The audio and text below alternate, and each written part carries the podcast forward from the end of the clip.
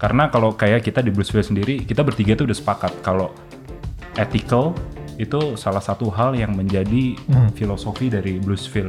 gitu. Kalau kita buat sesuatu ya bukan sekedar hanya profit gitu. Nah terus kayak di Vegas itu sebenarnya baik cerita menarik ya Dire. Gimana Ya, ya. kita Ini buka yang cerita bisnis. kan? Bisnis, Oke, bisnis. Oke, ya, ya, ya. Kalau itu stay in Vegas.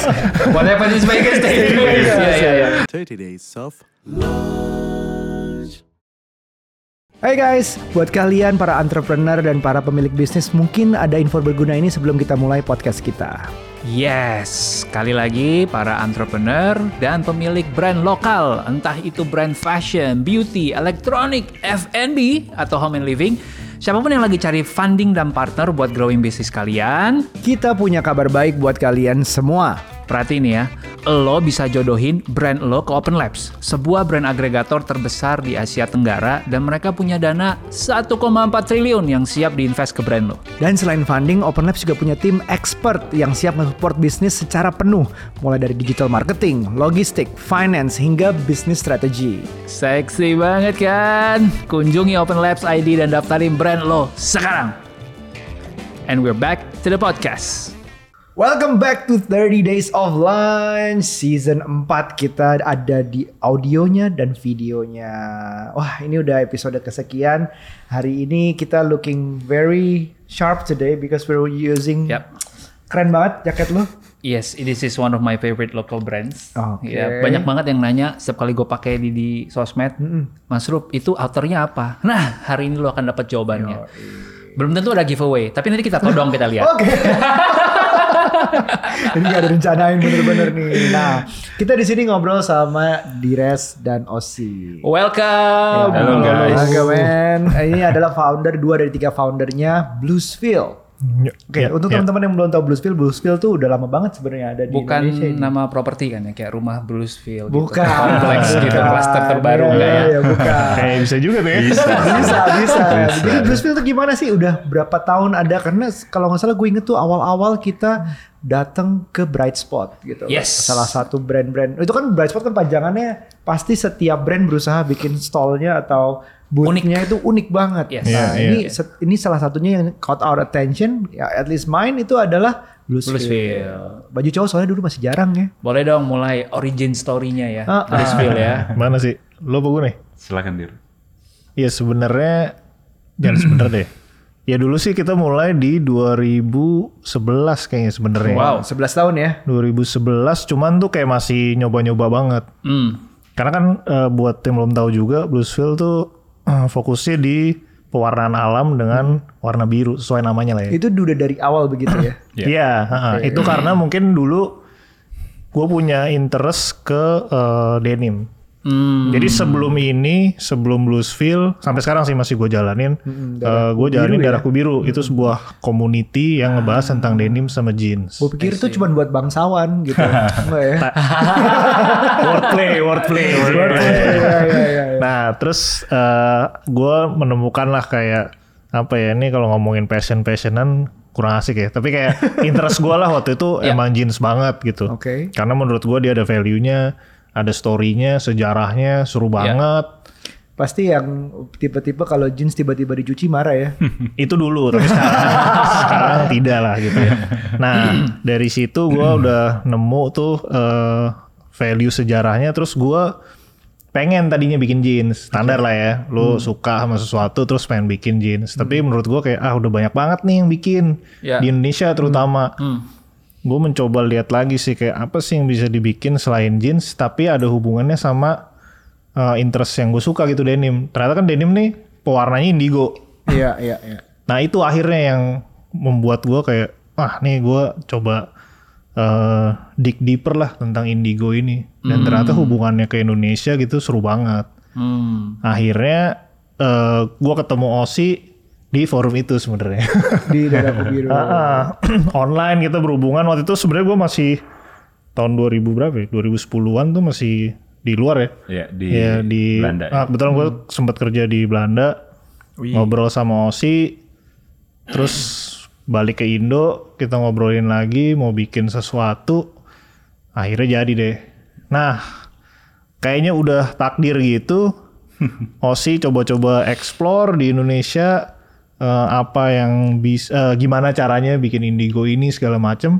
Ternyata dia ketemu partner eh, kita nih eh, yang lagi nggak bisa hadir di sini. Cie. Dana namanya. Iya, Nah si Dana ini ternyata teman SMA gua dong. Jadi gua kaget juga kayak, ya nih ketemu lagi gitu akhirnya. main juga sih sebenarnya teman main juga. Ketemu akhirnya ternyata dia udah bisa nih ngelakuin sesuatu dengan Indigo ini. Udah mencoba mewarna baju. Nah saat itu akhirnya gue kayak mikir, ayolah sih kita coba aja lah bikin gitu. Berasa kayak udah diatur sama semesta. Wih, ah, iya bener sih kayak gitu. Jadi kalau lebih dalam lagi ke uh, Bluesville kan pertama kali lihat kan, wah namanya Blues pas. Terus gue lihat displaynya bajunya biru semua. Kenapa biru semua gitu maksudnya? Emang bukan banyak ada warna lain segala macam. Ternyata ceritanya ini. Nah, Yes. kenapa sih ada interest tersendiri ke indigo, dyeing, ah, jadi blue gitu? Kalau gue ya, gue sih ngelihat apa ya, ada ada value di balik itu semua gitu loh. ada gitu, sejarahnya. value-nya gimana tuh? Value-nya sangat intangible nih. Wih. Iya, iya. Nggak kelihatan. Kalau ngelihat sih sebenarnya kayak sejarahnya dulu ya. Ah, Sejarah- boleh, boleh, boleh, Sejarah jeans aja tuh udah gila Seru, banget menurut iya. gua dari tahun 1900 sampai sekarang Ah. orang masih pakai jeans, masih Dari membanggakan zaman jeans tuh. ya. Itu kayak ya suatu yang apa ya ya terus-terusan ada gitu. Impactnya gede banget ke Ya. peradaban dunia ceritanya. Iya, Iya nggak sih? iya, Bener nggak? iya, iya, Definitely. bener, Iya kan? bener. Nah sama ternyata si Indigo juga gitu. Bahkan jauh sebelumnya. Oh gitu. Gitu. Jadi kalau nih gue cerita sejarah dikit nggak Gak boleh. apa-apa, ya? seru-seru apa-apa. nih. Jadi warna biru tuh sebenarnya kalau di alam yang bisa ngasilin dari tanaman itu cuma indigo doang. Bentar. Nggak ada tanaman lain gitu. Oh ada tanaman namanya indigo. Yes. Oke, jadi itu root katanya ya. Yes. Ini bukan indigo arti lain ya. bukan, bukan, indigo.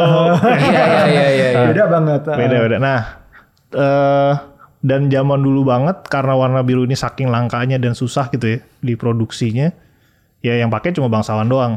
Makanya darahku biru bener dong. Oh ya nggak salah-salah banget. Jadi kayak zaman dulu banget tuh kita pernah lihat nggak sih kayak mungkin di apa film-film atau buku sejarah yang warna biru tuh jarang nggak sih? Paling yang di, yang pakai orang beneran raja, Oh iya iya iya. ya kan? Iya, Bahkan iya, iya. kayak warna biru dari batu tuh namanya lapis lazuli itu dulu katanya bahkan itu jadi eyeshadow-nya Cleopatra tuh. Wih. Saking kayak langkanya gitu. Iya. Ah, ini baru tahu sih sebenarnya. Iya, Jadi konotasi itu kalau misalkan warna biru tuh lebih ke apa ya? eh, Karena naik prosesnya kelas lah gitu susah. Iya. Artinya yang bisa consume ya orang-orang yang Hmm, oh gitu. istilahnya ya orang-orang kerajaan kayak gitulah. I see. Itu gue juga pas baca baru nyadar sih, iya, iya juga ya. Hmm. Maksudnya kalau kita nonton nonton ya nonton film-film kayak zaman medieval gitu, nggak ada yang pakai sih rakyat-rakyatnya biru gitu ya. nggak sih? Coklat biasanya. Iya, gitu. Coklat, apalah yang biasa gitu. Kalau warna coklat gampang ya lempar aja ke bawah. Iya. Jadi kan coklat. juga. Kalau biru tuh emang karena saking susahnya dan waktu itu karena peradaban mungkin masih di di barat, di barat nggak bisa nanem warna biru Iya. ini. I Nggak ada. Tanaman ini cuma ada di India. Tropis. Oke. Jadi berawalnya sebenarnya indigo vera ini dari India. Oke. Nah nama tanamannya itu latinnya indigo vera. Tapi genusnya banyak tuh. Yes. Ada yang tinctoria, ada yang polygonum. Waduh, waduh. Macam-macam lah. ya. Teknis lah. Tapi kenapa ada personal interest ke situ? Apa yang bikin karena karena historinya tadi? Mungkin gue gue cerita kali ya. Ah, Kalau kalau di res kan tadi kan lebih ke historinya kan. Kalau gue sebenarnya sebenarnya simple kayak ya fashion gitu ya. Maksudnya menaruh perhatian tapi mungkin mau yang lebih maskulin balik lagi ke jeans. Iya. Fashionnya, iya. bener juga. Nah kalau misalkan gue kebetulan suka literatur, jadi hobi baca gitu ya Oke. Terus terus. dengan ngelihat sejarahnya si Indigo ini awalnya sih sebenarnya ngelihatnya dari perspektif dunianya gitu kan. Maksudnya yang tadi Dires bilang tuh kalau misalkan dulu Levi's tuh produksi cuman pakai natural indigo Nggak. kayak gitu. Ternyata usut demi usut mungkin salah satu komoditi ekspor Indonesia pas zaman VOC itu indigo. Oh, jadi kita bisa nanam dulu ya. Ya, sampai sekarang. Karena dibawa dari India itu. Jadi emang dari India pedagang kan apa aja juga dibawa lah ke Iya, Indonesia. Terus ketika zaman itu emang mungkin membutuhkan Iya, supply. pewarna ke sana ke Eropa. Ya VOC mulai itu nanam. Iya. Itu zaman tanam paksa 1800-an. Tapi sebenarnya kalau kita tarik ke belakang lagi Ya. dengan history uh, roots culture yang kita punya spesifik batik itu udah dipakai. Ya. Oh, batik pun dengan Iya. indigo. Cuman problemnya di saat tahun 2011 2012 di saat kita bertiga riset itu cenderung kayak mulai nggak diperhatiin dan cenderung ditinggalkan sama si pengrajin-pengrajin ini. Makinlah tergebu-gebu buat wah gila nih. Mungkin Apalagi dengan kita terpapar informasi brand-brand Jepang yang sangat-sangat Iya, admire, passion sama culture-nya gitu. Iya, iya, iya. Kalau di sih. kalau di Jepang mungkin indigo udah jadi national treasure Iya. gitu ya. Benar. Jadi udah dilindungi bahkan nih sama negara gitu. Iya. Masalah ekspornya, masalah itunya. Bukan juga, jadi kayak artisan indigo artisan di sana itu udah dibayarin sama Oh, iya, iya, negara untuk Iya. terus Apa pun yang terjadi lu harus bikin terus Iya. laku istilahnya gitu ya. government tuh punya satu fund yang emang ya udah mereka ngelakuin Oh melestarikan iya, Melestarikan aja. Ini Iya. kayak Korea mungkin ke entertainmentnya, Iya. mereka Iya. Jepang Iya. tuh ke artisan indigo Iya. salah satunya. Iya. Wow. Si I just knew that. Oke, oke. Oke. jadi sebenarnya kalau tarik ke brand Bluesfield-nya sebenarnya kita itu ya lebih pengen nerjemahin ke ya sesuatu yang modern nih Dir. Iya. makanya tagline-nya Bluesfield kan uh, traditional process uh, modern interpretation Hmm. Modern interpretation berarti ke eh, dari gaya-gaya bajunya ya, Yes. fashionnya ya, Iya. modern ya. Proses masih masih all natural indigo katanya butuh waktu lama ya untuk bikin suatu Tiga empat hari. tiga empat hari ya. Masih sih. masih iya Sebenarnya bosnya ada di situ sih. ya jadi emang eh, dulu banget sih kita masih ya 2011 sampai 2012 itu cuma nyoba doang. Oke. I see. nggak bisa bikin produk kayak kita nggak bisa ya. Iya. Masih kayak nih jelek banget. Trial and error. Nggak bisa. Nah, akhirnya sampai 2012 kita udah lumayan pede lah untuk ngerilis gitu. Emang prosesnya sih eh, banyak banget faktor yang eh, mempengaruhi ya. Karena ini kan sesuatu yang berhubungan sama alam nih. Dari awal tanamannya aja kalau tanamannya tanahnya beda ditanamnya warnanya juga akan beda. Oke. Terus eh, udara juga akan ngaruh Oke. Terutama di Indonesia hujan gitu ya. Berarti kan tuh mengaruhi tuh lamanya berapa lama kita Iya. bisa eh, ngewarna gitu. Terus cara ngewarnanya sama eh, kan si indigo ini harus eh, apa ya butuh beberapa bahan lah untuk dicampur ke dalamnya terus jadi satu eh, fat buat ngewarna gitu ya. Nah itu bahan-bahannya juga ngaruh gitu. Apa yang kita masukin ke dalam situ akan berpengaruh sama warnanya juga. Gitu. Dan itu sekarang all natural ya. Yes. heeh. Basically semua dari tumbuhan jadi artinya. Iya, betul sekali. Makanya berani untuk ngeklaim dia. Dari farm to ya clothes. Farm nah to itu sebenarnya world. perjalanan juga tuh Nah, Iya, benar. Coba perjalanan ya. gimana? Nah, Karena boleh. pada dasarnya dulu itu di saat kita mendirikan si Bluesfield ini kita belum tahu lah cara nanamnya. Bahkan Iya. tanamannya sendiri cuma lihat buku. Iya, benar. Tapi kalau sekarang kita udah punya farm sendiri. Wow. Itu menarik tuh yang dulu kita kenapa bisa akhirnya memutuskan untuk bikin farm sendiri. Ya Iya. ini karena keterpaksaan juga Iya. sih. Karena situasi lah. Jadi tahun berapa ya? 2014-an ya? Iya. Iya. 2014-an eh, supply indigo susah banget karena waktu itu kalau nggak salah musim hujannya panjang. Ya. Musim hujan panjang, banyak crop yang mati atau cropnya juga nggak bagus gitu. Karena kita masih eh, beli lah supply dari supplier indigo yang ada di Pulau Jawa gitu. Terus kita nggak dapet supply-nya pak, sedih banget kan kayak anjir jadi gue nggak bisa nggak bisa produksi, lagi nih ya kan. Iya. Terus ya gimana nyari cara deh gimana gimana sampai nyari ke semua supplier. Akhirnya kita nemu satu orang di Bali nih, Hmm. ya kan ketemu mau beli. Ya. Katanya dia gini, kamu mau beli, datang dulu aja deh ke tempat saya gitu. Oke lah, kita datang nih, Siap beli. ngobrol kan. Terus terus. beli mau beli beli kayak gitu. Bali Bali. Udah ngobrol pak, kita ada kayak gini cerita lah ya, Bluesfield gimana perjalanannya, mau beli segala macem. Ya udah dia tunjukin juga lah produknya dia, dia kemampuannya gimana. Sampai pas mau beli dia bilang, tapi kamu nggak bisa beli sama saya. Oh. Mendingan kamu nanam aja. Saya mau ngajarin kamu cara nanamnya. I see. supaya nanti ada penerus saya karena dia udah Ya. lumayan tua lah gitu. Oh, jadi dia nggak punya penerus merasa bahwa ini ilmunya harus di Iya. pas gitu. Terus itu kayak jadi wah motivasi. motivasi gitu. Akhirnya kita pulang bukan bawa fat indigonya atau pastanya gitu ya. Kita dikasih benih. Wow. Tapi itu kayak kayak harus kejadian sih kayak gitu Iya. ya. Kayak udah itu antara kesel sama nih Terus udah gua gitu susah posisinya udah nego sampai jam 9 malam, ujung-ujungnya disuruh ke rumahnya, bukan disuruh transfer gitu ya. Tapi dikasih benih, bener-bener benih. Disuruh nyerok gitu pakai pakai apa tutup toples gitu. Aduh. Tapi ini keren banget. Gue mikirnya tuh, eh, ini kan rootsnya kuat banget ya tentang kecintaan sama indigo, prosesnya bahkan sampai akhirnya punya Hmm. farm sendiri. Gimana caranya bikin, em, ini kan antara kayak idealismenya tentang indigo nih, all organic. Yeah. Tapi tetap harus dengerin market dijadiin bisnis gitu, Iya. sesuatu yang laku gitu. Harus kasih makan tiga orang minimal. Harus minimal tiga orang. Terus kan, oh ini sih udah jelas laku ya karena udah bisa beli beli apa eh, tanam sendiri. Cuman maksudnya ah, gimana caranya meyakinkan bahwa ini sesuatu yang gua punya idealisme kuat nih, tapi gue yakin juga masih bisa laku dan bahkan laku banget gitu. Iya, iya. Itu gimana awalnya ngubah itu, mempertemukan dua dunia itu? Sebenarnya sih kalau kita ya di di Bluesville gitu, memang kayak di Res nih in charge lebih ke kreatif gitu. Kalau gue lebih ke operation bisnisnya, terus kalau uh, Chongki lebih ke production. Tapi in terms of awal tahun kita bicara business plan ya kita equal lah. Oke, gitu kan. oke. Kita benar-benar ngerasain gitu apa yang menurut kita paling tepat untuk dilakuin.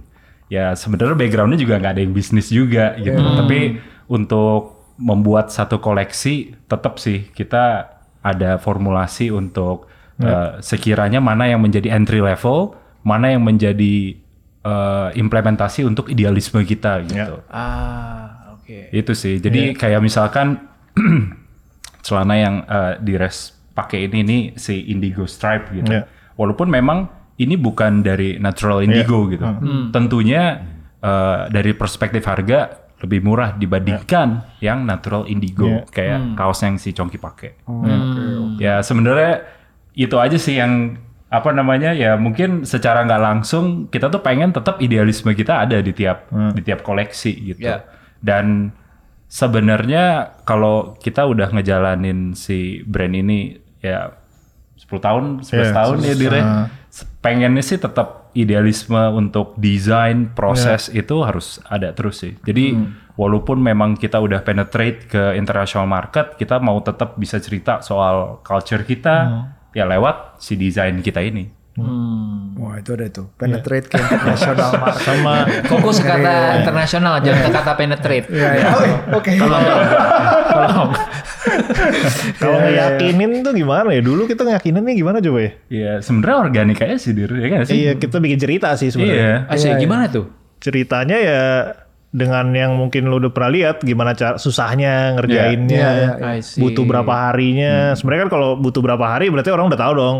Gue bayar orang ini sehari tuh berapa, jadinya akhirnya jadi costnya Iya, iya, segitunya gitu kan. Dari situ terus kayak eh, yang kita coba tanamkan kan sebenarnya salah satunya adalah preservasi budaya juga nih. Hmm. Yang tadinya udah mulai ditinggalkan, boleh dibilang ya ini kalau menurut gue pribadi eh, Bluesfield turut membuat si Indigo ini menjadi ngetren lagi di Indonesia Iya, iya, iya. untuk kalangan anak muda ya. Ya. Mungkin kalau untuk yang eh, pebatik biasa emang mereka udah Ya. menjalani itu terus, tapi untuk anak muda akhirnya mereka mulai ngeliat gitu, oh ternyata warna alam seru ya. Iya.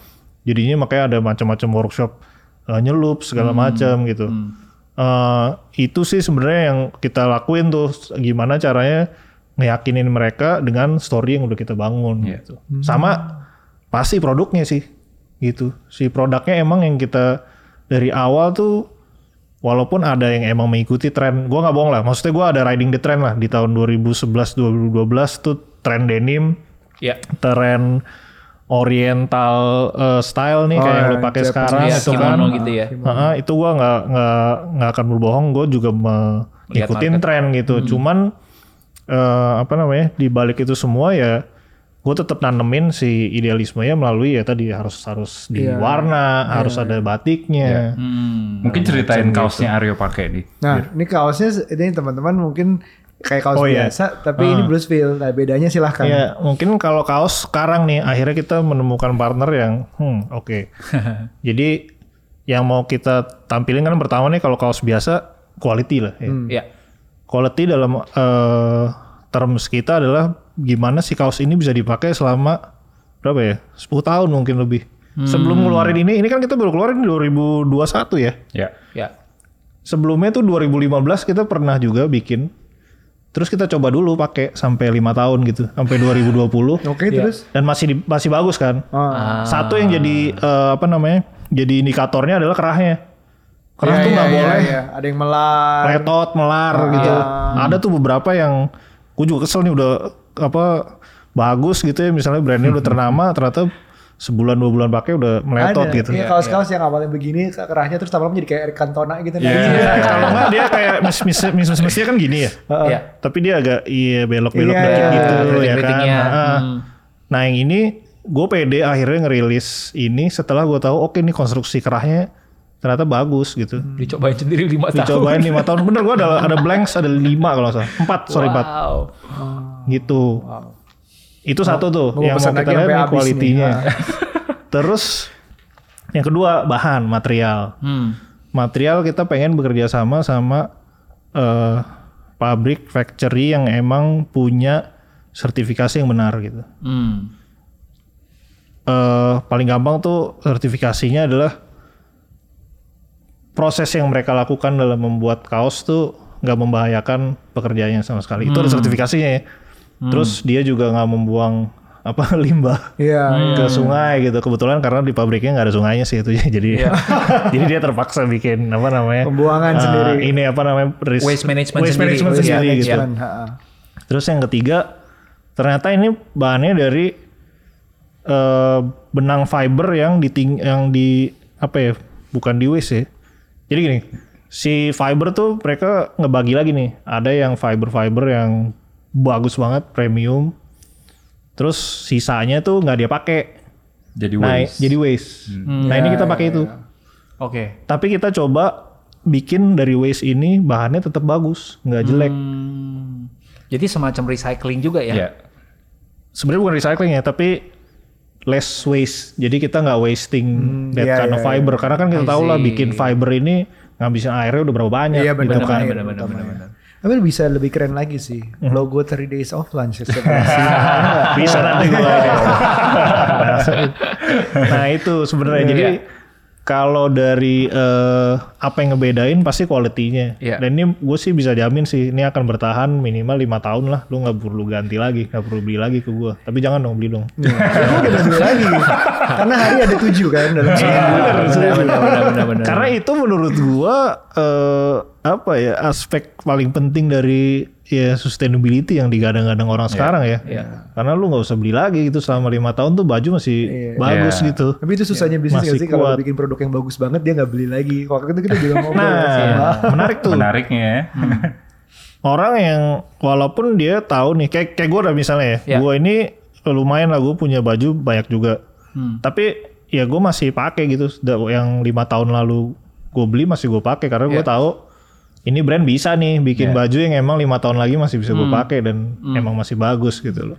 Jadi nggak masalah sih sebenarnya sih ya, karena Iya. customer kita pun Jadi balik lagi sih kayak poin yang tadi lu bilang Hmm. bagaimana supaya si bisnis nih sustainable dan long run gitu kan. Iya, ya back to quality sih kalau kalau kita ya. Maksudnya gimana lu bisa develop satu produk yang benar-benar impactful gitu. Bahkan impact nggak cuma sekedar ke customer ya, tapi ya orang yang produksi dan segala macam. dan gitu. lingkungan bahkan. Betul. Iya, ha. iya, Dan sebenarnya kayak konsep ya terkait si fair trade tadi yang Dires bilang, terus Sustainability. waste management, sustainability itu yang nggak ada kita pikirkan pas bikin Blues ada. Feel. Nggak ada. Memang itu proses organik yang emang kita jalanin, gitu. Hmm. Selama 10 tahun ini Selama 10 tahun ini. Iya, iya. Bahkan kayak kaos gue ini umurnya udah 10 tahun gitu, tapi gue pede aja sih makainya. Kayak kerahnya Karena kerahnya masih, masih itu. Masih rapi. iya masih oke gitu. Itu sih. Iya, iya. Gue penasaran sama internasional sih. Like, how international is international? Bukan penetrate-nya. Bukan penetrate ya, internasionalnya bukan. ya. Oke. Bukan. Ih, nggak enak tuh bukan. penetrate ya. Berarti gue gak boleh lagi tuh pakai itu sih. Oh iya Attack gitu. Attack. Oh iya bener Attack deh internasional. Attack kan. Bener bener bener. Terus setuju tuh gue.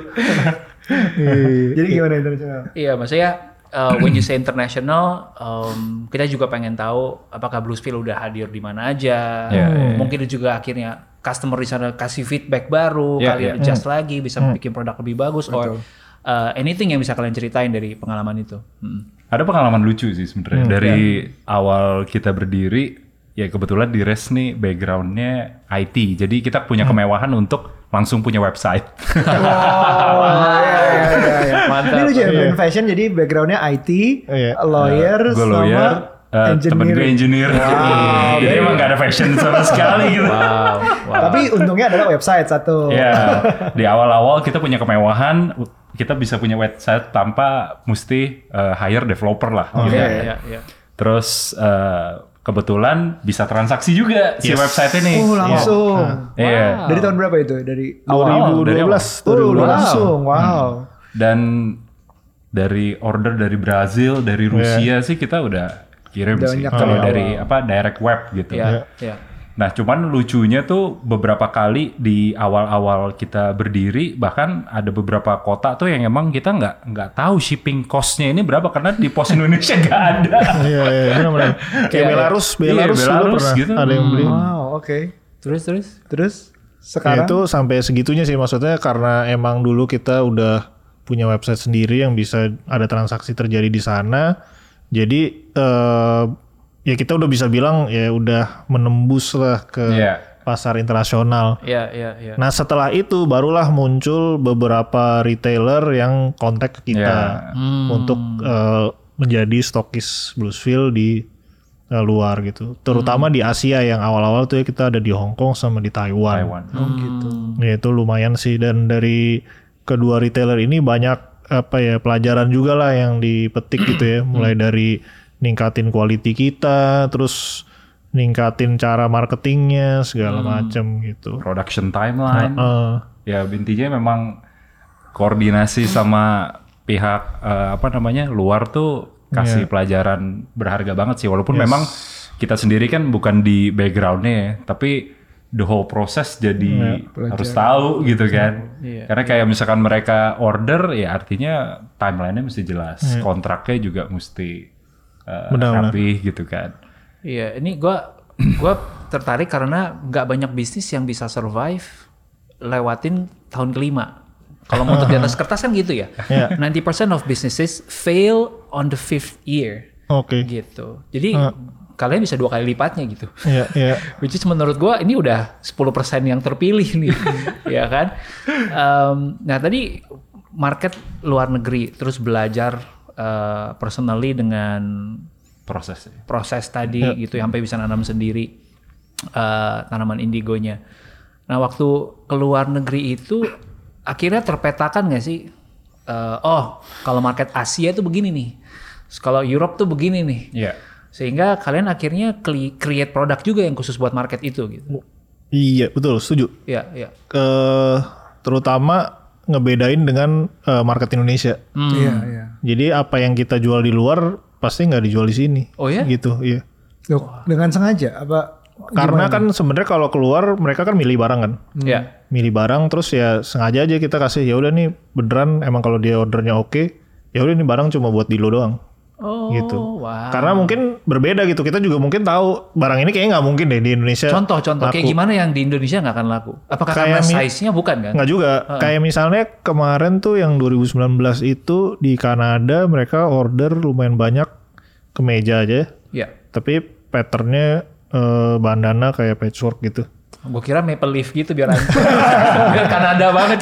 Terus warnanya lumayan warna-warni, merah, ada ungu, ada hijau, sama kuning. wow. Hmm. Nah ini kita nggak rilis di Indo. Iya I see. Sampai akhirnya pandemi, terus kita, ah udah coba rilis deh di Indo deh. Ya. Daripada apa namanya kita mau nyari apa namanya Koleksi baru lagi. ah, revenue lagi kan dari situ. Dan ternyata ya terbukti nggak terlalu jalan nih di sini. I see. Gitu. Wow. Dan ya kita tahu kalau t-shirt mungkin di sini akan lebih laku gitu dibandingin kita jualnya keluar.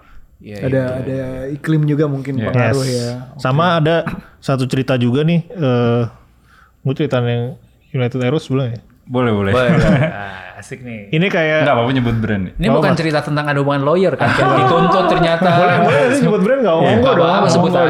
dong. Ah. Iya jadi ini salah satu kesempatan yang menurut gue langka banget sih Iya. dan itu tahun 2014-an 15-an lah ya kalau nggak salah ya. Iya.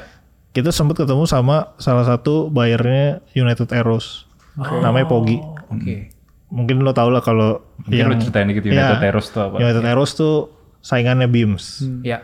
Iya. Ya dia eh, Department multi brand store, Ya. yang emang premium banget gitu. Jepang nih. Kita diketemuin sama eh ya karena bantuan dari teman-teman Bright Spot yang thank you banget itu. Ya gue seneng banget lah bisa ketemu mereka. Dan kita nggak ngarep apa-apa ya sebenarnya. Nggak. Ngarep apa-apa tapi kita ngobrol bareng. Ya gue dapat banyak ini sih banyak insight bahwa ya setiap market tuh berbeda yang mereka butuhkan gitu ya. Kayak di di ini nih karena United Arrows tuh ternyata kan gue dulu nggak tahu banget ya gue cuma tahu nih United Arrows keren lah pokoknya Hmm. jualannya barang keren-keren Mahal-mahal. premium, mahal-mahal Iya, gitu iya. ya ternyata mereka sampai sedetail itu mintanya gitu bahkan kayak kemeja nih Iya. gue rekomenin gini dong kamu harus tahu nih ini kemeja bagian hemnya pendeknya segini apa segini lu mau yang mana stylenya apa Kenapa lu segini? ah kenapa lu segini Oh, karena Terus kayak saya ini. begitu. Gak bisa jawab gitu. ya? kayak tempat kancing ini nih hem kancing di sini juga nih kenapa lebarnya segini nih? Lo kancing kenapa pakai segini? Oh, bentuk kerahnya kenapa begini nih? Wow. sampai segitunya jadi kayak dia benar-benar tahu spesifik yang market dia tuh butuhnya apa dan sukanya apa. Dari situ sih gue juga pelajaran ah, anjir berarti bener ya tiap market tuh beda nih. Karena gue jualan yang gue Yeah. tunjukin ke dia gue jual ke Taiwan bisa. I tapi see. kenapa nih orang nggak mau gitu? Nggak works di sana. iya. itu gue udah ngirim sampel pak ke sana. Iya. Oh, iya. akhirnya gue ngobrol meeting ngirim sampel ke dia ya akhirnya ditolak lah intinya sama dia Hmm. tapi gue udah ya gue ngerti lah nih Jepang emang standarnya agak ketinggian banget. gitu ya Iya, iya, iya, iya, iya. tapi akhirnya gue terbukanya di situ jadi kayak oh segitunya nih berarti si market emang beda dan kita harus ngikutin itu Iya. gitu. Iya. Nah, mungkin nyambung sedikit sih kayak soal si market ini masalah size itu juga penting. Ah, iya, Jadi setuju. untuk international market ini terutama sejak tahun 2019 kita siapin koleksi yang emang ukurannya berbeda. Ya. Iya, benar. mau nggak mau. Iya. Karena tahun 2019 itu pertama kali kita dapat kesempatan Hmm. trade show di Las Vegas. Wow. Trade show Las Vegas itu dari situ Fokus ke trade show bukan Las Vegas ya, Pak. Oke, oke. Tapi gue gak mikir situ loh. oke, Gua oke, mikir oke, situ. oke. tapi trade show-nya di kasino sih Iya, kasino sih bener Abis, abis lo trading lo disuruh Iya.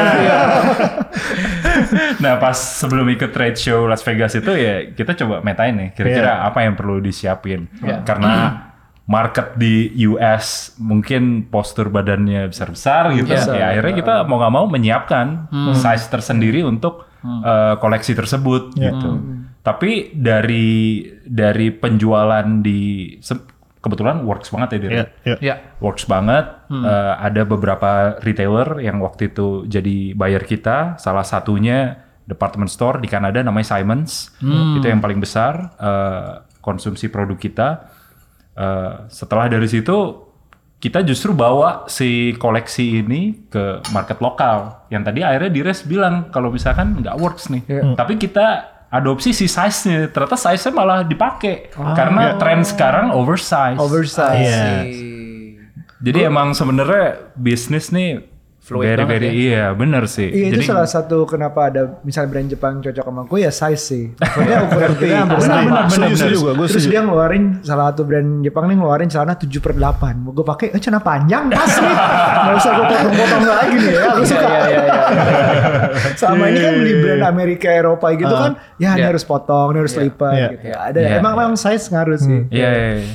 Nah terus kayak di Vegas itu sebenarnya baik cerita menarik ya Dire. Gimana Iya, kita Ini buka. yang cerita bisnis kan? Bisnis, Oh, bisnis, oke, bisnis. oke, iya, iya, kalau itu stay in Vegas Whatever is Vegas stay in Vegas. Iya, iya, iya. Jadi pas pertama kali kita ikut trade show itu kita pertama kali. Ya Iya. awam lah, nggak tahu apa-apa. Iya. Ini gimana nih ngobrol sama bule, Iya. sama orang Jepang gitu. Ya udah akhirnya kita pikiran dari Jakarta kita bawa si canting batik, Oh. kita bawa malam batik, Ya.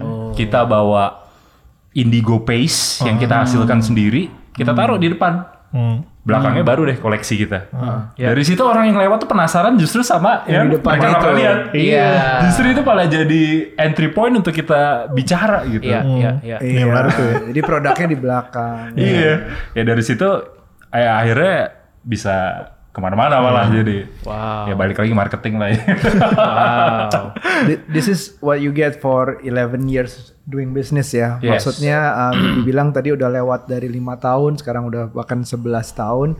Perjalanannya tuh nggak nggak nggak kosong gitu loh untuk menuju 11 tahun tuh banyak banget pengalamannya. Mungkin that's why we wanna bring this up karena ngerasa bahwa uh, bisnis itu nggak harus semuanya langsung mendunia langsung itu jadi Iya. dari awal bahkan setahun pertama yang gue suka adalah masih terus coba produknya Karena sampai masih akhirnya- takut ya jualan. Masih takut sih. Iya. Ya bahkan sampai sekarang aja kayak kemarin nih. Baru aja tadi malam. Iya. eh, gua ada komplain lah ke tim produksi gara-gara ada yang nggak sesuai si celana ini Iya. gitu. Tapi ya kalau misalkan kita nggak peduli sih, mungkin ya kita bukan di sini sih Dir. Iya, iya. Mungkin itu sih. Kalian bertiga, apakah dari awal langsung, oke, gue cabut dari kantor gua, ada satu orang yang fokus, atau oh, bentar nih, kita bertiga mesti pasti Iya. ini Bluesville menghasilkan dulu baru kita cabut, Oh, atau dan sekarang apakah Ya. udah full time atau gimana? Oke. Kalau dulu gua masih jadi gini. Gua start ini ketika gua balik dari Belanda. Waktu itu tuh resesi dunia, Pak, ya kan? Global crisis benar, tuh. benar, di Belanda udah gak ada kerjaan. Kalaupun gue stay di sana, gue pasti nggak ada kerjaan gitu. Jadi gue memutuskan untuk balik aja. Waktu di Belanda kerjanya apa gitu? Eh, web designer. Ah, oke, siap. Gitu. Oke. Terus gue balik ke sini, Mana Gua ba- baru mikir Vegas kan. tuh. terus, terus. Terus gue gue udah lumayan nih pak udah nabung lah ya Iya, kan iya, di sana iya. udah ada tabungan. Terus gue mikir apa ya eh, yang bisa gue kerjain yang sesuai sama interest gue waktu itu. Hmm. Tapi sambil itu sebenarnya gue sambil nyambi yang karena gue web design bisa ada beberapa kerjaan yang masih bisa freelance segala Ya, macam. dari mana pun juga bisa ya. Jadi mungkin awal ya dua tahun tiga tahun itu ngerjain Bluesville ya sambil gitu. dua tiga tahun. Jadi kalau dilihat dari kita bertiga, Ya. yang pertama kali full time di res. Nah, I see. Kedua gue baru sekarang. baru bosnya. Iya, bos besar. yang paling mengerti hitungan teknis kimiawi dan Iya, lain-lain. itu baru tuh. Yang produksi malah yang terakhir ya. Iya. Padahal harusnya tangannya yang paling kotor tuh dijahit. Tapi dulu kita ngerjain itu semuanya bareng ya. Sendiri. Oh semuanya bareng. sendiri. Bareng. Jadi kayak di workshop yang awal-awal punya baju Bluesville yang berwarna itu masih kita ngerjain. Iya, Wow. Bahkan tangan gue sendiri yang ngewarna. Iya. Wow. Jadi emang ya sebenarnya intinya kita cuma pengen tahu aja sih prosesnya kayak apa. Iya. Itu aja sih sebatas itu dulu. Terus kebetulan waktu itu percaya sama orang, maksudnya kita hire orang, Iya. nggak works. Akhirnya udah deh, sendiri aja deh. Warnain sendiri gitu. Ya itu juga yang ngebuat kenapa nge-trigger kita harus punya farm sendiri. Yes. Bukan cuman sekedar supply doang, tapi quality dari si pasta indigo ini sendiri. Ya. Hmm. Ya. Iya, Jadi iya. dua tiga tahun pertama masih belum Masih full time belum ya. full time Belum lah. Full time ya. Nggak berani juga pak ya kan. Iya, Waktu itu gue masih single sih ya. Jadi Iya. masih aman lah. Maksudnya pakai uang tabungan aja Iya, iya, iya. masih bisa gitu. Walaupun kadang-kadang ya, makannya juga ya dikat-kat semua gitu.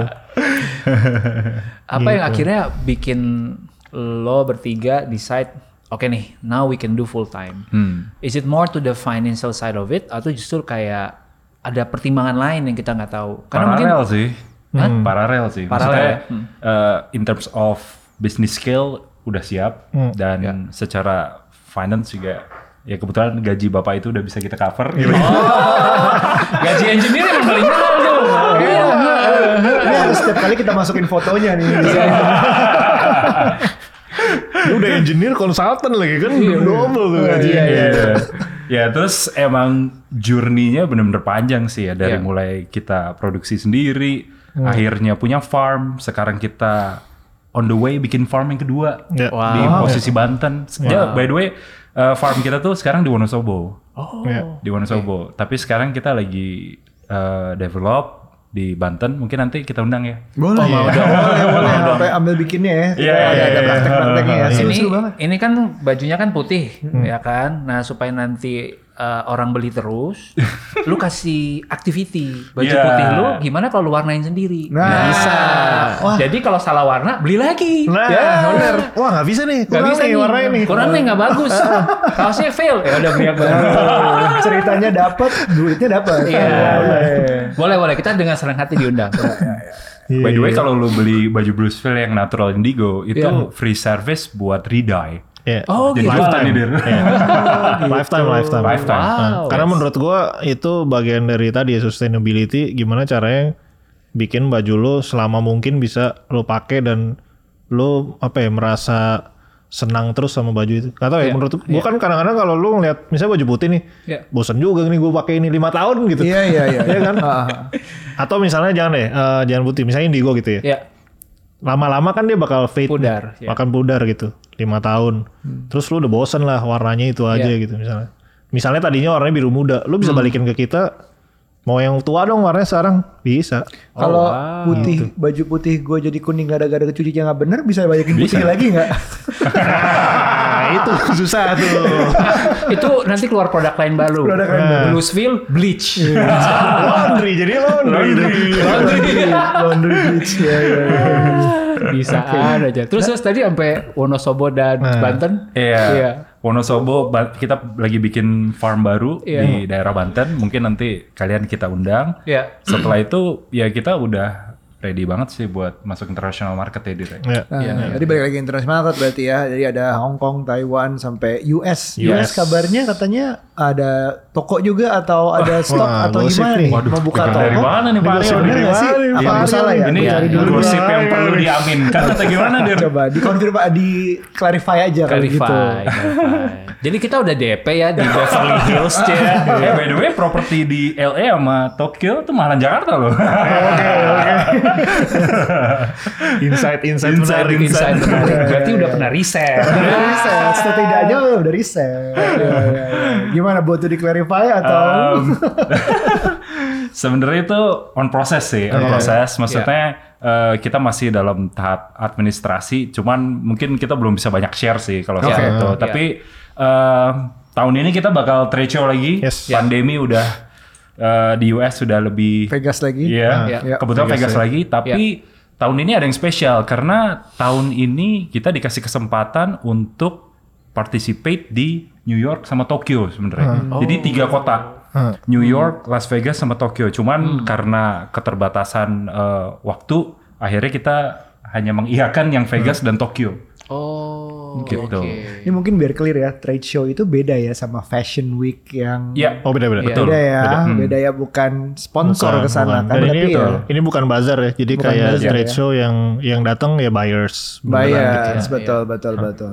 Dan itu kayak lu di exhibition hall yang gede banget, brand yang masuk bisa ratusan ya. Yes. Di seluruh dunia. Banyak Dan banget ya. yang ya istilahnya lu brand punya duit aja nggak cukup. Lu Yes. mesti ke curate dulu. Iya. Iya. Oh, di curate Iya. juga Yes. ya. Iya, iya, iya, iya, iya. Ber- Berarti yang daftar ribuan gitu berarti Iya. ya, yang masuk mungkin ratusan. Yang Kalau boleh tahu apa nama trade show-nya? Eh, boleh nggak nih? Boleh, Boleh aja lah. dong, Project boleh. show, project show. Project Show. Siapa tahu ada yang datang nanti bayar dari Oh Indonesia. iya benar juga. Setuju. Soalnya kita, kita ketemu Atau ya. kita sih. mewakili ke yang New York nggak apa-apa. Iya, iya. Nah kebetulan kalau yang project show di Tokyo itu dia bilang itu barengan sama Tokyo Fashion Week. Oh. Karena biasanya kan dia ngincer yang waktunya bareng supaya bayarnya Sekali Sekalian, datang sekalian langsung. kan. Iya, Ini iya, dari iya, seluruh iya. dunia ya. Yes, Iya, iya, gitu. iya. Kita mendoakan yang terbaik buat Amin, amin. Bluesville di Tokyo dan Vegas nanti ya. Keren, keren, keren. Semoga karena marketnya makin besar, Ya. eh, harga yang di Indo bisa turun. Jadi cari duitnya dari orang luar aja Indo. Subsidi silang. Subsidi silang. Tapi soal harga menarik juga nih Pak. Waktu yang beberapa kali eh, eh, di beberapa kali lah ya kalau kita ngomong sama eh, beberapa retailer yang mau beli kita, Iya, iya. kita pasti nanya dong, Iya. gimana harganya menurut lu? Ya. Lu bisa jual lebih tinggi sih. Dibilang selalu gitu. I'm sure. Kalau keluar Iya. gitu. Makanya emang sebenarnya kalau yang di Indo itu udah harga apa ya gimana disesuaikan. maksudnya? Udah sangat disesuaikan dengan kebutuhan kita untuk nge-manage semua ini ya, nge-manage Iya, iya. workshopnya, nge-manage betul, farmnya betul. gitu loh. Dan kualitasnya bisa lima tahun dipakai. Itu dia kan, Sustainability setuju. tadi segala Dan macam, kayak iya. misalnya gue gue bisa jamin lah gue ngasih lifetime guarantee lu kalau ada apa-apa balikin ke gue it's free gitu loh. Hmm. Karena gue punya eh, tempat jahit sendiri. Terus kayak tadi workshopnya gue punya workshop kita jalanin sendiri ya. Ya, operate sendiri. Mungkin berbeda gitu dengan beberapa brand yang eh, Lempar ke vendor. yang Iya. lempar ke vendor gitu ya. Maklon. Iya. Benar, jadi kita bisa ngewarna lagi makanya tadi kan Iya. kalau Iya. Dainya. ada sih beberapa yang kayak bosen eh, jaket putihnya Bluesville gitu. Ya udah kasih aja sini mau warna apa gitu. I see. Makanya sebenarnya kayak ya mungkin di tahun ketiga, kelima gitu kita udah bisa ya mungkin dia sudah bisa beli mobil gitu atau beli rumah, tapi ya kita malah sabar. Oh, uh, iya, iya, develop si workshop, bikin farm, Ya. I see. sempat bikin toko dan ya mungkin iklan dikit tahun ini kita mau bikin toko lagi ya. Dir. Mudah-mudahan. Oke oke oke. Oke, jadi gue ngelihat dari jauh nih perjalanannya, em, kita ngelihat banyak bisnis juga sekarang yang akselerasi butuh cepat, Iya. tapi tapi Bluesville berjalan 11 tahun tadi lo bilang harusnya udah bisa beli mobil, udah bisa beli rumah di tahun keberapa, ketiga, keempat, kelima, tapi masih terus untuk Iya. uh, balik ke R&D, balik ke Iya. growing bisnisnya, sampai sekarang akhirnya ya udah segimana sih persisnya kalau dibilang dari dari tujuan awal sampai sekarang apakah exit expectation berapa kali lipat apa nggak nyangka apa? Kalau dibilang how big Bluesville is now itu bisa bilangnya segimana? Hmm.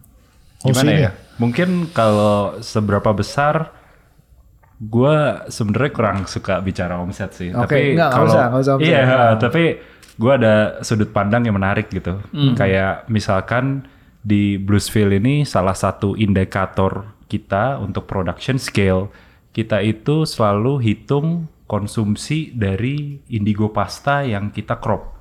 Eh, sorry, indigo plant yang kita crop, Oke. Ya, yang kita harvest. Ya. Oke. Setelah harvest kita ubah menjadi pasta. Oke. Setelah jadi pasta baru kita ubah menjadi eh, pewarna. Pewarna. Setelah jadi pewarna baru Kaos, jadi baju, produk. ah, produk. Jadi kalau bisa dibilang sekarang kita udah bisa manage satu hektar di Wonosobo untuk indigo plantation. Wow. Dan tahun ini sih hopefully bisa sampai 10 sih. 10 hektar Yes. Wow. Dengan jadi yang di sebenarnya Banten itu Sebenarnya yang di Banten ini kurang lebih 2 sampai 3 kalinya Wonosobo.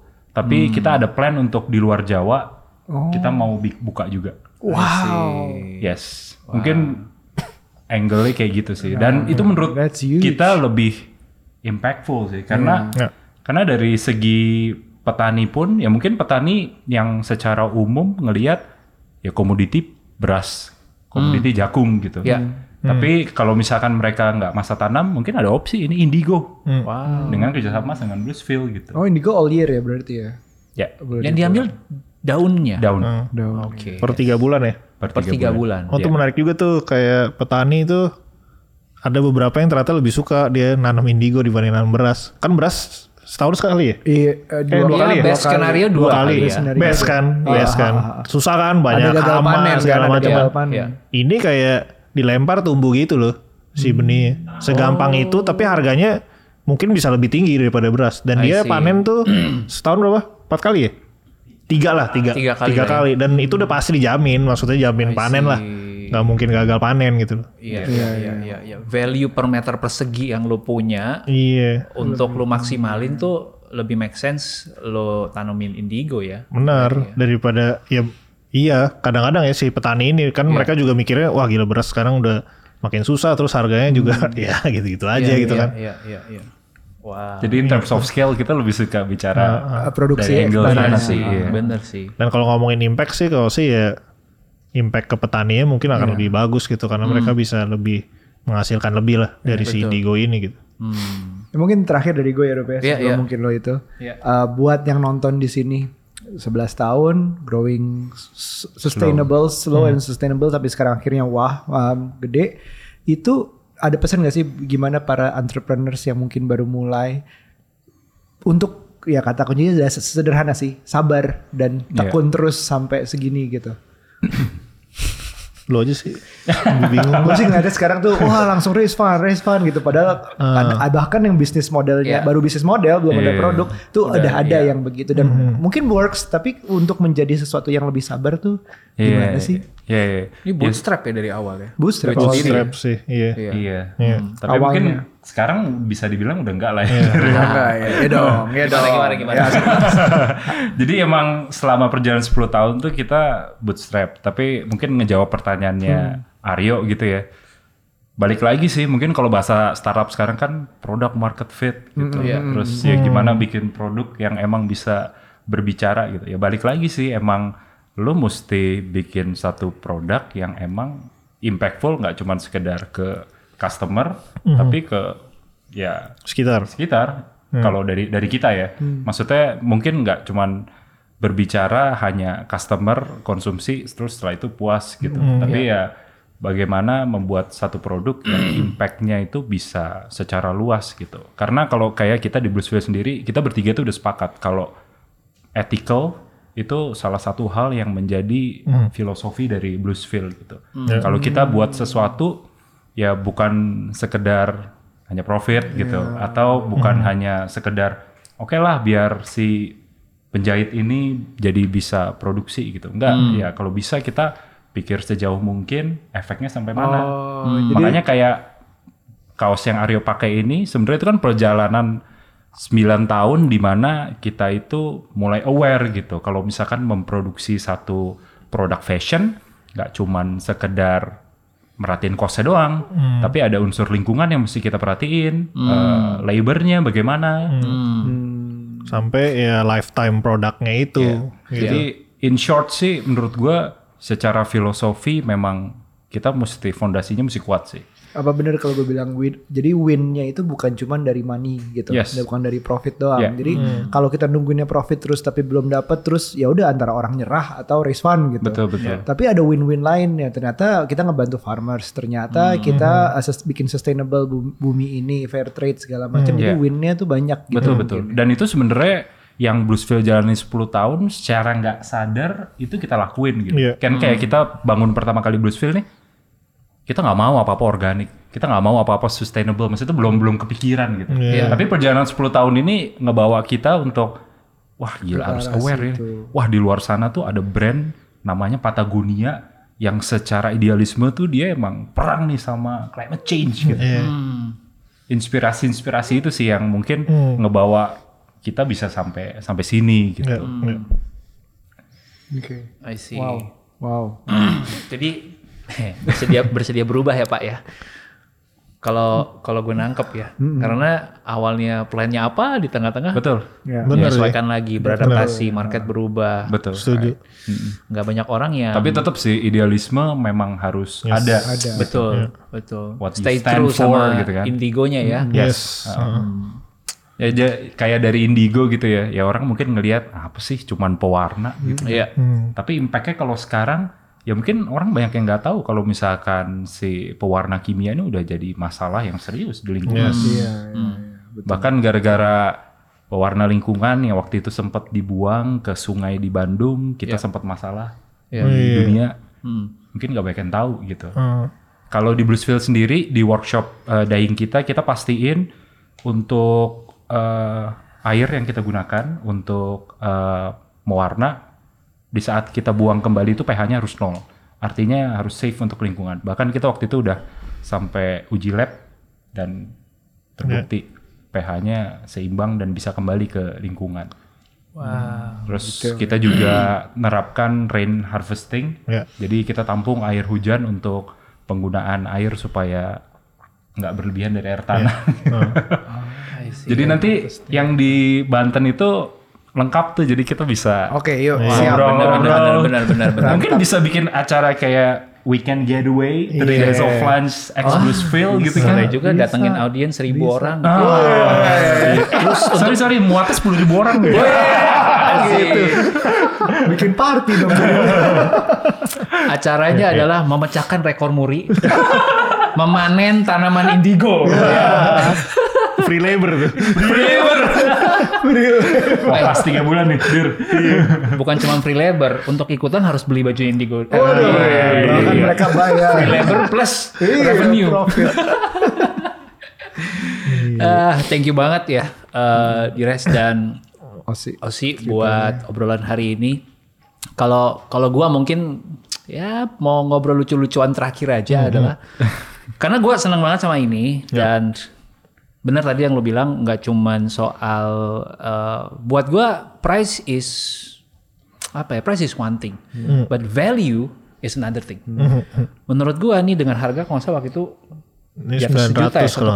1, Eh, sejuta ya? Iya, iya, sorry sorry. Iya. Gua udah lupa. menurut gua waktu itu pas beli wih gila ini berani banget nih brand, Indo ya kan sepasang harga sejuta gitu tapi entah kenapa ya waktu gue lihat di Bright Spot gue cobain man I gotta have this Hmm. Terus gitu karena ngeliat build quality-nya detail-detail kayak gini kan orang nggak ngeliat ya Iya. maksudnya ya lu pakai juga akan pamerin gitu it's just for your personal satisfaction Benar, benar. Ada ini lucu nih gitu kan terus gue kebayang kayak kayak hari ini gitu gue mau pakai sama kaos kaki gue yang dari Jepangnya juga iya, iya.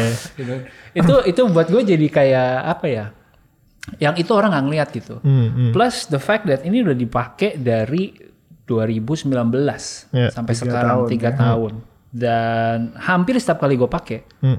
you get the compliment Hmm. selalu ada orang yang bilang bro ini lu beli di mana Eh, gila bagus banget Hmm. nah itu menurut gue yang value Iya, iya.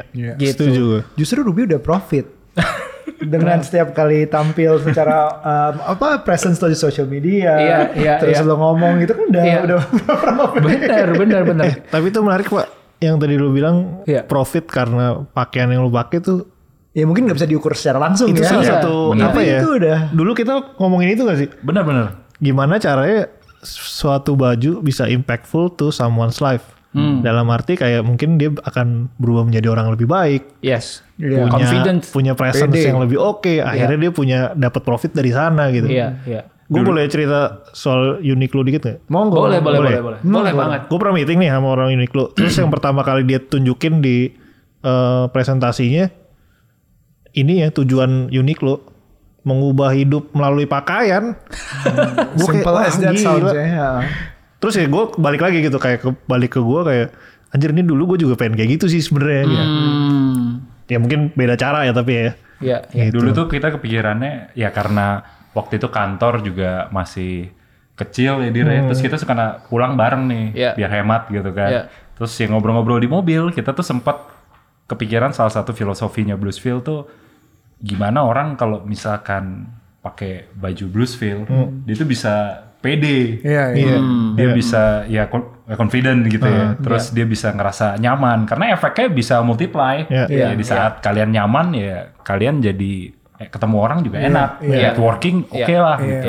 Atau jadi bahan obrolan kayak misalkan fabriknya yang Ruby pakai itu. Iya. Ini bahannya apaan nih? exactly Iya. Benar Tapi baju-baju sederhana itu tuh bisa uh, punya uh, bahkan ditambahin cerita sendiri terhadap Iya. orang tersebut. Yes. Misalnya gue belinya di mana, gue ketep, pas ketemu ini gue dapet deal ini, Iya. pas ketemu ini itu cerita sendiri bikin lebih attach emosional. Jadi Iya, akibatnya makin pede lagi kalau memang Iya. produknya bagus, dia orangnya bangga, multiplying efeknya ketemu Iya. orang lagi, Iya. tambah cerita lagi, bajunya kayak makin kuat gitu loh. Benar benar. benar.